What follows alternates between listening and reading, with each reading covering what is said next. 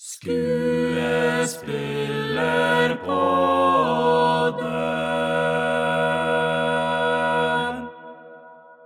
Velkommen til Skuespillerpodden. Dette er ikke podkasten å tune inn på hvis du er interessert i det siste gossipet fra Hollywood. Men om du derimot har lyst til å forstå mer om skuespillerkunst på film og i teatret, og hvordan skuespill blir anvendt i stadig større deler av samfunnet, så er dette definitivt noe for deg. Her er det lov for gjester å nøle om fagfeltet sitt, og så er det min jobb å stille idiotspørsmålene. Og jeg er Øystein Stene, forfatter med en livslang interesse for skuespillerkunst, og dessuten pedagog på Teaterhøgskolen ved Kunsthøgskolen i Oslo. I denne aller første episoden skal vi forsøke å snakke om hva et skuespillertalent er. Og det kan jo være veldig mange ulike meninger om. Vi skal snakke om skuespillertalent i en bestemt kontekst, nemlig opptaket til bachelor i skuespill ved Teaterhøgskolen. Hvorfor i all verden velger man de studentene man gjør? Hva gjør dem så unike? Og er det sikkert at de er så unike? Til å svare på dette så har jeg med meg to durkedrevne og mangeårige jurymedlemmer for inntaket ved Teaterhøgskolen, høyskolelektor og skuespiller Miriam Song, Hei. og professor, skuespiller og regissør Lars Erik Holter. Mhm. Aller først, hvor mange er det egentlig som søker til Teaterhøgskolen? Det ligger et eller annet sted mellom 600 og 800 som søker, og så er det de som er reelle søkere, altså de som har sendt inn alt det de skal sende inn til tiden. Så er det ofte at det går ned til et eller annet sted mellom 500 og 600 søkere. På hvor mange studieplasser? Mellom 8 og 10. Nå er det 10, men det har variert. Og når de da søker, hva, hva slags papir, hva, hva de skal levere inn? Da skal de levere inn en self-tape. Hva er en self-tape? Jo, da setter du opp et eh, kamera, og så øver du inn en tekst. Og så framfører du den teksten foran kamera, og så sender du det inn til skolen. En tekst, en hvilken som helst tekst, eller? Ja, de kan velge tekst sjøl, Ja. men en tekst er det, ja. Allerede på um, første opptaksprøve så, så skal de jobbe med en tekst. Og det har noe med at uh, vi er en, en skole som uh, baserer mye av undervisninga vår på å håndtere uh, dramatisk tekst. Skal det da helst være en teaterstykke? Vi anbefaler jo det at det er godt å jobbe med et materiale som er en type karakter, en jeg-person. Eh, noe man vil formidle, at det ikke er en type prosatekst eller noe annet som er fortellende, men noe en person, eh, en prosess personen på en eller annen måte går igjennom. Hvor lang skal den self-tapen være? Den skal være på ca. to og et halvt minutt. Det er det man rekker. Mhm. Pluss en liten intro av deg selv, så tre minutter maks med både intro og tekst. Det høres kanskje lite ut, men uh, vi får faktisk veldig mye informasjon på tre minutter. Disse 500 eh, som da en jury sitter og ser på, hva, hva ser dere etter da, i disse to og et halvt minuttene? Vi har jo noen kriterier, eh, som blant annet er motivasjon, fantasi, scenisk formidling, blant annet. Så det er utgangspunktet, og også det å ha uttrykksbehov og tilstedeværelse gjennom da en scenisk situasjon. Hva er scenisk formidling? Hva ser dere det? Har søkeren en evne til å formidle innholdet i den valgte monologen? Altså er det mulig å forstå hva som er rollens vilje? Du starter et eller annet sted, og hvem er det du faktisk snakker til? Eh, blir jeg forstått i det? Det er noe som skal ut fra meg til en mottaker. Mm. Du kan si at scenisk formidling er, eh, til forskjell fra eh, dagligdags kommunikasjon mellom folk, da, så er jo eh, scenisk formidling veldig ofte forbundet med eh, at eh, figuren er i en eller annen eh, spent situasjon. Det er ikke dagligliv. Det er et eller annet, eh, en, noen omstendigheter som er skjerpet i en scenisk eh, formidlingssituasjon. Når dere har brukt disse kriteriene på de første 500, hva gjør dere da når dere har valgt ut noen? Da går eh, ca. 100 personer videre til en eh, andre prøve, og hvor de da igjen viser en eh, selvvalgt monolog. Men det som da skjer, er at det er foran en jury eller en opptakskomité, sånn at da skjer det i rom. Og videre så kan da man ønske å se mer av kandidaten i en form av improvisasjon på en eller annen måte, at de får en eller annen oppgave i møte med juryen også. Hva slags type oppgave kan det være, da? Eh, hvis det f.eks. er et eller annet eh, vi savner, et eller annet vi har lyst til, et eller annet kriterium som vi kanskje tenker å, ikke helt oppfylt akkurat det kriteriet, så kan vi samles, ta en liten prat, og så gi ei oppgave. Kan du gi meg et konkret eksempel? Hvis jeg kom inn og vært litt slapp? Jo, da kan vi jo gi en situasjon, altså at vi prøver å spisse en situasjon, at vi kanskje har opplevd at det egentlig ikke er noe som står på spill, og at vi kanskje vil skjerpe det virkelig, og kanskje gi en oppgave at du står foran en, en domstol som kan eh, da dømme deg til døden. Eh, du, her har du dine siste ord, du ber for ditt liv, for eksempel. Og så kan det gå helt i andre retninger eh, lekenhet, altså noe som er eh, fantasi, noe som eh, er overraskende. Klarer man å eh, vise spontanitet, altså ulike ting. Eh. sånn at det er, det er veldig ulikt. Det er eh, egentlig det at du ikke skal kunne forberede deg til å møte det som oppstår i rommet, fordi det skal komme spontant. Når dere da sitter og ser kandidatene til andre prøve, Ser dere da etter det samme som i første, eller er det noe, eh, noen andre ting også dere ser på? Det er jo en god ting å kunne vise noe annet enn det du har vist i første prøve. Vi skjerper på en måte også de kriteriene vi har. Vi kanskje også går inn på har kandidaten emosjonell tilgjengelighet? La søkeren seg påvirke av situasjonen? Og også evner kandidaten å handle gjennom teksten? Og hvordan påvirker det kroppen og stemmen, og at vi begynner å se ting i en liksom større sammenheng. Og så fordi vi også har at vi har muligheten til å møte kandidaten i rom, det møtet, hvordan er det den kommunikasjonen skjer, og hvordan møter kandidaten oss? Mm, for vi blir jo på en måte et slags publikum, ikke sant? Eh, og da oppstår det jo en kommunikasjon mellom søkeren og det publikummet. Det kan komme små reaksjoner fra juryen, ikke sant? Lytter da den kandidaten til det som kommer fra juryen, og kan, kan kandidaten bruke det videre i sin framføring. Så juryen har sett 100 kandidater til andre prøve, og gjør så hva?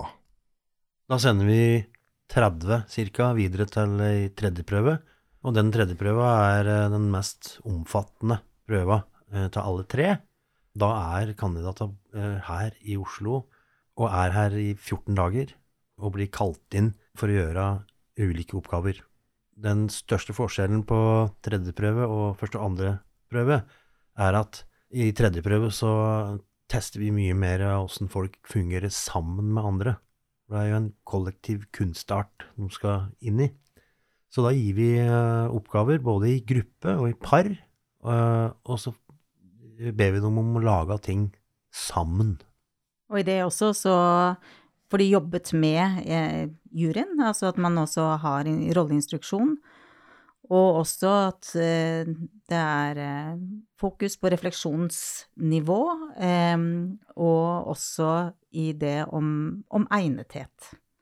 Det er 30 personer da, som skal sette av 14 dager av livet sitt til å gå på prøve på Teaterhøgskolen. Mm. Vi pleier å si det til kandidater, at uh, de trenger ikke å se på dette her bare som eh, ei opptaksprøve, men som to uker der folk skal jobbe sammen. Eh, ja, som en workshop. Vi skal få jobbe sammen alle sammen i eh, 14 dager, og det kan være veldig lærerikt å være med på den opptaksprøva. Hva ser dere så etter i, på tredje prøve? Er det noen andre ting dere ser spesifikt etter da? Jeg tror kanskje at, uh, at jeg svarte litt på det i stad, uh, med at de skal jobbe sammen. Altså lytte lytting, som vi nevnte tidligere her, den kommer andre sterkere inn som uh, moment. Klarer du å påvirke og bli påvirket? Det er viktig i skuespillerarbeid. Så lytting er viktig. Men eh, hvis, for å ta noen av de kriteriene som dere har vært gjennom nå, f.eks. lytting. Du sier at det er viktig at han lytter. Hvordan ser man det? Hvordan ser du det som eh, medlem av opptakskomiteen, om en ja. kandidat lytter eller ikke? Jeg tror at lytting handler mye om akkurat det å ta impulser. Når noe skjer, hvordan at du Man kan se at det, det påvirker deg på en eller annen måte. Og det er gjennom kropp. Det er gjennom at kroppen og altså tanken slår inn, eh, og hvordan du handler deretter. Så det er jo én måte å kunne se akkurat det med å lytte. Fordi du må interagere, du må ta inn det som skjer. Og det blir veldig tydelig hvis man ikke gjør det. Er det da i situasjoner med andre kandidater i spill med de, eller er det improvisasjon? eller er det, hvordan, hvor, hvor, kan man se dette med lytting, f.eks.? Begge deler. Gjennom ja. hele. I alt, egentlig. Mm. Du også selv, når du er aleine, altså når du har en monolog, så er det jo også at du må lytte til hva du faktisk sier, og hvordan det påvirker. Hvem er det du egentlig snakker til? Lytter man da innover eller enn utover, er det, er det en måte å si det på? Og det mener jeg er en veldig sånn viktig egenskap som skuespiller. Det er å kunne ha evnen til å lytte både innover og utover. Og lytting handler mye om det å la seg påvirke av den andre som er på gulvet. Sånn at eh, hvis, hvis, vi ser at en kandidat eh, på en måte ja, kjører, sin, kjører sitt løp uten å ta inn det som kommer fra de andre, uh, så, så, så, begynner vi å prate om det. Ok, var det lytting her? Hva, hørte den etter? Uh, reagerte den på det som skjedde? Ble vedkommende påvirket av partneren sin? Ja, det en, en typisk samtale dere som jurymedlemmer da vil ha? Ja. Mm. Men mm, kan man være veldig uenig i det man ser? F.eks. kan jeg si ja, jeg så at kandidaten lytta og ble berørt og fikk emosjonelle impulser. Men så sier du nei, jeg så ingenting. Det virka helt avstengt for meg. Kan det, kan det skje? Ja. Det, det kan. skje, ja. Absolutt. Jeg opplever ikke at det er ofte at vi er totalt uenige om sånne liksom grunnleggende ting. Det opplever jeg ikke. Men man kan ha i ulike grader, og at man opplever det ganske ulikt. Mm. Eh, Men vi har jo de Vi har jo disse kriterier som, som vi skal forholde oss til. Men allikevel så kan det være at eh, folk opplever kandidaten på ulike måter. For de som sitter i juryen, er jo òg mennesker. Så, så, det er klart eh, no, Noe ulik opplevelse eh, vil det jo være. Men vi kommer jo støtt fram til en, en, en enighet om for noen ti kandidater det er som blir tilbudt studieplass. Mm. Jeg mener at det er også veldig interessant. Akkurat de samtalene er jo veldig interessante nettopp fordi man må da være presis i hva, hvorfor ser jeg det på den måten, og hvorfor ser jeg det ulikt. Og da Jeg opplever at det er veldig ofte gode rom som skjer når vi også ser ting ulikt, fordi at vi begynner å åpne på virkelig snakke faglig om hva vi ser. Nå har dere nevnt en masse egenskaper er det, er det, noen av disse ferdighetene og egenskapene som dere tenker på en måte er medfødt? Eller er dette noe som hvem som helst øver seg opp? Jeg tror at um, kanskje spesielt det første vi ser etter, eh, det som er engasjementet og uttrykksbehovet uh, og gleden over å stå framme av noen andre folk og uttrykke seg den kan sjølsagt trenes opp, men jeg tror nok den Det er kanskje den ene egenskapen jeg tror er eh, Den, den må nok vare der. Det er mye man kan trene opp, virkelig. Ja. Eh, og det er veldig mye som handler om arbeid. Eh, og jeg opplever at vår jobb handler om å se det, den evnen til å kunne gå inn og lære seg.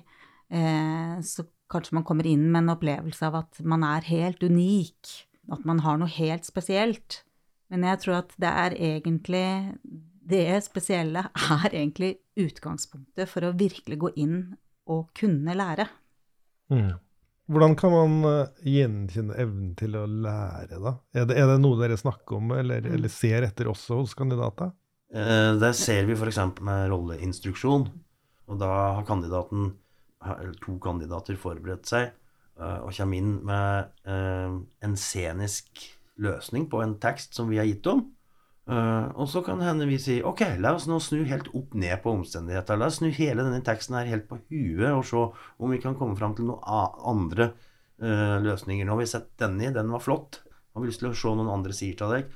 Og hvis det da ikke skjer noen ting når vi gir nye omstendigheter og foreslår nye situasjoner, så, så kan en jo se at ok, her det, det, blir et tine inn, da. Det kommer ikke noe nytt forslag.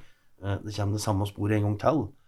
Så, så sånn sett så kan en jo få en følelse, i hvert fall. En kan få en, en aning om åssen læringsprosess den enkelte kandidaten har, men vi kan jo ikke se det helt 100 eh, på en opptaksprøve.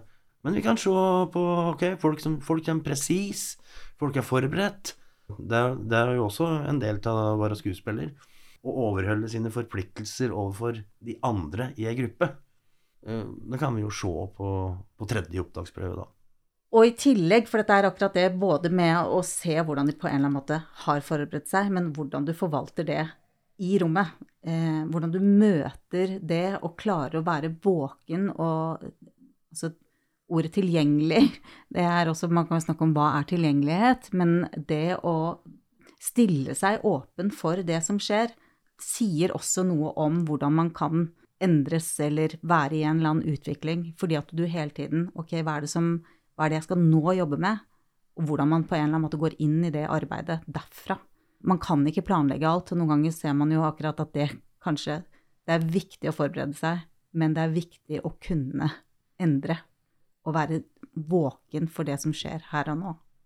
Så på en måte så beskriver du jo akkurat nå da, noen som er, har høy arbeidsmoral, åpen og tilgjengelig, og hvis jeg skal legge til et ord som kanskje vi ikke forbinder med noe spesielt positivt, er litt føyelige? Nei, jeg vil ikke si føyelige, altså. Uh, for jeg er helt enig med deg at det var et veldig negativt ord. Uh, altså, for vi ønsker jo å ha studenter uh, her på skolen som, som, utfordrer oss, og utfordrer den metoden vi bruker her på skolen. Vi bruker ikke bare én metode, men vi har flere. Men studenter som, som har sine meninger, og som kan stille spørsmål til det vi driver med her. Så nei, jeg vil ikke si at vi vil ha føyelige personer, men folk som kan samarbeide. Folk som kan se Ok, sier du sånn, ja, da gjør jeg sånn. Vi vil ha bøller òg, ikke sant? Vi vil mye heller ha bøller enn en føyelige folk. Men når det er sagt, bøller er jo ikke sant? Igjen, hva er det man legger i ordet? For at bøller, hvis du setter har som mål å på en eller annen måte stoppe prosess. Du må jo være åpen for prosessen på en eller annen måte, at du selv har lyst til å forflytte deg. Men om det blir i den eller den eller den retningen, det er jo det som blir det interessante. At man på den ene siden har eh, studenter som vil De vil et sted selv. Så er vi på en måte med i den prosessen. Det jeg kanskje prøver å finne ut av, er liksom det der når dere snakker om da lytte og, og, og svare, da om det er lov til å svare på den måten man vil. Altså, Eller er det et bestemt svar man ser etter i det der med å Jeg håper ikke det. Nei. Jeg håper virkelig ikke det, selv om vi Det er klart at vi er jo en skole som på en eller annen måte vi er opptatt av at man skal se at det er en indre prosess. Denne skolen eh, hviler på én tradisjon, eh, men vi vil jo også fornyes i det. Men at det er, det er noen kriterier som vi setter høyt. Men det vil ikke si at man må komme med et riktig svar. Nei, og så syns jeg det er viktig å si at når vi f.eks. sier uttrykksbehov, uh, scenisk formidlingsevne, evne til å bruke tekst, så ser vi jo ikke etter de som kan alt det, men vi ser etter noen som, som vi tror har potensial til å lære seg alt det.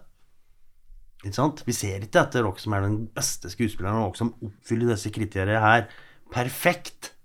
Så det er jo eh, folk som, som da komiteen oppfatter som ah, dette her er folk som antageligvis kan suge til seg mett av lærdom eh, ved å være student på denne skolen. Men jeg tror likevel at Jeg syns det er interessant det du Hvilket spørsmål Altså det du stiller i forhold til dette med føyelig, som på mange måter oppleves som noe negativt, men at et eller annet sted så er det jo at du skal få en egen stemme inn i en gruppe, et ensemble. Du må på en eller annen måte eh, klare å samhandle.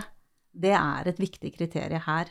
Så teater er en kollektiv kunstart, og det er vesentlig for Teaterhøgskolen? Mm. Vil dere si det? Det vil vi si. Men når det er sagt, så vil jo si altså Det er jo det som er veldig krevende her også, fordi at man er en liten gruppe som lever veldig tett sammen eh, i et krevende studium over tre år. Og det er klart at det utfordrer nettopp ensembletankegangen. Og er det sånn at man må ha en konsensus på hva som er på en måte riktig? Det er det jo ikke. Eh, sånn at det er å klare både å kunne stå innenfor diversiteter, det mener jeg er superviktig. Det er jo akkurat det vi ønsker, virkelig. Eh, en diversitet i menneskene, samtidig som de på en eller annen måte må kunne samhandle. Så det er jo noen motsetninger i det, Mm. helt uten tvil, og at det oppstår også utfordringer og konflikter eh, nettopp på grunn av at det krever så mye av en inn i en gruppe. Så når du da har sittet i disse to ukene og sett på disse 30 kandidatene og undersøkt dem på alle bauger og kanter og eh, intervjua dem på, og, og forsøkt å finne ut de tingene dere nå beskriver, så skal man da sette sammen klassen, ti Mm. som blir tilbudt en studieplass. Ja. Eh, vi uh, velger ut de som uh, vi mener har best forutsetninger for å ta imot en utdannelse. Er det vanskelig å velge disse ti? Det er det. Ja, Selvfølgelig. det, ja. Og man kjenner jo på et enormt ansvar også, fordi det er så Folk har brukt mye tid. Vi vet at det er ekstremt viktig for veldig mange. Det er en stor drøm. Eh, og at vi forvalter på en måte noen menneskers framtid på et eller annet plan. Så det er, det det er både et etisk eh, krevende, eller at man kjenner veldig på akkurat det ansvaret, og at man skal jo da gjøre så riktig valg som man klarer innenfor eh, det. Så det tar vi veldig, veldig på alvor. Det må jeg virkelig si. Alle de 590 da, som ikke kom inn i, gjennom disse rundene, eh, hva, hva kan vi si om de? Altså, det er jo også viktig å si at det er veldig mye som, som egentlig som handler om, eh, også for vår del, det å se her og nå, det som oppstår her og nå. Og det er klart at eh, mennesker er Vi er evig i utvikling. Ting skjer. Det jeg mener med det, er at det at man ikke har kanskje fått vist alle sine sider ved én runde, betyr ikke at man ikke kan få vist det igjen. Sånn at det er klart, vi, vi tar jo bare utgangspunkt i hva vi har sett her og nå, og det endres jo. Folk søker igjen og igjen, eh, og selvfølgelig gjør vi også feil. Helt sikkert. Ja, vi kan ikke si Altså, det er mennesker det dreier seg om. Både de som sitter i komiteen, og de som eh, søker. Og så tenker jeg også, kanskje noe som også er viktig å si, er at jeg tror kanskje folk har en oppfatning, og det er derfor jeg er glad for denne samtalen, egentlig, av at hva er det juryen, eller opptakskomiteen, eh, vil se? Og at jeg skal please det blikket, istedenfor å heller tenke helt motsatt. Jeg vil bringe meg selv inn i dette arbeidet. Men det blir jo nesten mer sårbart, da. Hvis jeg viser hvem si. jeg er, og, du, og blir avvist for det, liksom. Helt klart, og det er sårbart. Det, og det er kanskje det at man må orke det, det tror jeg også er veldig viktig, for det vil du måtte i, som skuespiller senere også. Og både få avslag, eh, få kommentarer, kritikk, alt det der, og at det å tørre å virkelig bringe seg selv inn, det koster. Og hvis du velger å være skuespiller, så velger du et liv eh, der du skal få kritikk over lag. Men på en eller annen måte det å utvide og tørre å gå litt lenger enn det som er kanskje det helt komfortable, det er også en evne i forhold til det vi snakket om tidligere med å kunne lære. Og det å ha den eh, egenskapen at du faktisk tør å gå litt lenger utenfor komfortsonen, det sier noe om også eh, hvem du er, da. Mm. Så det å tørre å vise seg frem er en skuespilleregenskap? Ikke seg frem, for det, det, Ikke er vise seg frem, nei, men å tørre å være seg sjøl ja, i opptaksprøva. ja. Sånn at vi faktisk kan uh, bli kjent med, med deg, og ikke en, en, en annen versjon av deg. Mm. Men Lars Erik, hva vil det si å være seg sjæl? Hvis du sier at jeg skal komme på opptaksprøven og være meg sjæl, hva, hva er det? Jeg, jeg, jeg sliter med å svare på spørsmålet for min egen del. Mm. Så hvordan skal jeg vise deg hvem jeg er, liksom? Jeg vil si kontakt er, eh, er en, viktig del av det å, være deg sjøl. At når, når du Nå sitter jo vi her i et studio, og du ser på meg, og du ser faktisk på meg. Du er interessert i, i det jeg har å si, eh, av en eller annen grunn. Og så smiler du litt nå, eh, og nå ler du, ikke sant?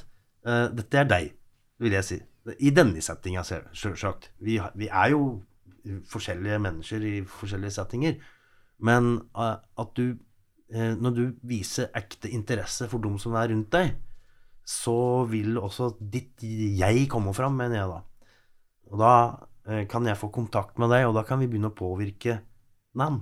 Den sårbarheten, at du på en eller annen måte tilgjengeliggjør deg, at du er åpen for å bli påvirket og påvirke, og at det, det handler en Altså, det handler om både refleksjon, både mentalt refleksjon, men kroppslig refleksjon. Så det er, det er, det er, det er på mange måter ganske komplekst, akkurat det å si hva er det du Hvem er du? For vi alle er jo forhåpentligvis eh, mer eller mindre forsøker å finne ut hvem vi er her i verden. Jeg tror det er det å på en måte tørre å grave dypere i akkurat det. Og det å la de im- impulsa, de impulsa du får, la dem være der. Ikke prøve å skjule de impulsa du har. For eksempel, som jeg sa i stad, så begynte du å le. Da var det din impuls. Opplevde ikke jeg at det var noe, en slags maske som du satte på deg for å tilfredsstille meg på noen måte, men eh, det var noe du så humor i, og så lo du. Og så opplever jeg det som en kontakt med deg. Og nå sitter du og nikker. Og det er også viktig, og det er noe vi også på en måte sier noe om under opptak også, at det er ikke vi som skal definere dem. Det er sånn at det handler igjen om dette engasjementet. Hvis det er dette stedet man da vil, til, vil på, så søker man igjen. Eller så finner man andre veier. Så vi er én skole eh, av mange, og at det finnes mange veier Noen går med en eh, drøm eh, om å bli skuespiller og tør aldri å søke. Noen går med en drøm og tenker at jeg skal søke én gang, så har jeg i hvert fall prøvd. Eh, noen går med som må drømmen, men søker år etter år etter år. eh, og eh, har en slags standhaftighet da, i forhold til å, å forfølge drømmen sin. Og, og noen eh, blir skuespillere på andre vis. Søker seg til andre skoler. Vi har mange skoler her i Norge, eh, og det er mange skoler i utlandet. Eh, jeg tror at mer og mer nå så, så, så gjør de som har gått andre skoler, seg mye mer gjeldende. For 30 år siden så var det liksom KIO. Eller da var det ikke KIO engang, da var det Teaterhøgskolen. Eller Statens Da var det. Statens teaterhøgskole. Takk skal du ha, Øystein.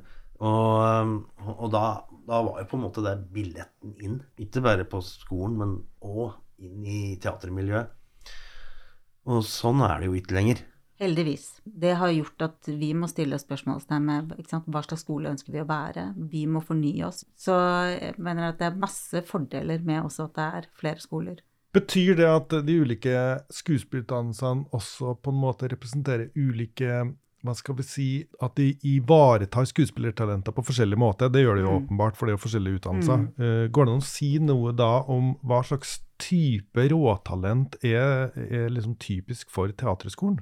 Jeg tror i hvert fall noe som på en måte kommer igjen og igjen, er jo dette møtet med tekst. Dramatisk tekst. Uh, Det, uh, det arbeidet som gjøres rundt tekstarbeid, det tror jeg nok er at vi står ganske sterkt i en lang tradisjon knyttet til akkurat tekstarbeidet. Og så jobber vi jo mye på denne skolen her med det å eh, Med fantasi og forestillingsevne. Det å innbille seg at eh, en er i en situasjon som egentlig ikke fins. Um, men vi konstruerer jo et univers, ikke sant? Og så skal du da tro på at, at dette her er sant. At det er en sånn situasjon. Og det fører jo på en måte til en, en, en type teater. Har du lyst til å legge til noe helt til slutt om jobben med å finne nye skuespillertalenter? Jo, jeg bare tenker at det som er viktig, er at eh, vi har et samfunnsoppdrag. Eh, og eh, vi skal speile det samfunnet vi lever i, og at nettopp med det så ønsker vi jo også virkelig å kunne se på scenene og på film alt det eh, mangfoldet som tross alt er. Eh, så eh, jeg håper virkelig ikke at det er vi som setter begrensningene. Og da er vi kanskje også inne på spørsmål knytta til mangfold. Mangfold er eh, ikke et av kriteria for selve bedømmelsen av kandidata sin prøveavleggelse. Men vi eh, som skole skal tiltrekke oss kandidater som representerer mangfold i samfunnet. Vi ønsker alle velkommen til opptaksprøven, uavhengig av fysiske eller mentale utfordringer, fysisk størrelse, hudfarge, trosretning, dialekt Det hører du kanskje? Uh, sosial bakgrunn. Til og med jeg kom inn her. Uh, kulturell bakgrunn, ja. Uh, og seksuell legning, kjønn. Altså Vi ønsker alle velkommen til første opptaksprøve. Skådespelarpodden i øyra di. Skuespillerpodden er produsert på Teaterhøgskolen ved Kunsthøgskolen i Oslo, med filmmagasinet Rushprint og teaternettstedet scenekunst.no som samarbeidspartnere. Den nydelige introen var tonesatt av vår egen korpedagog Jan Tarek Ruy Raman og sunget av studentene ved Teaterhøgskolen.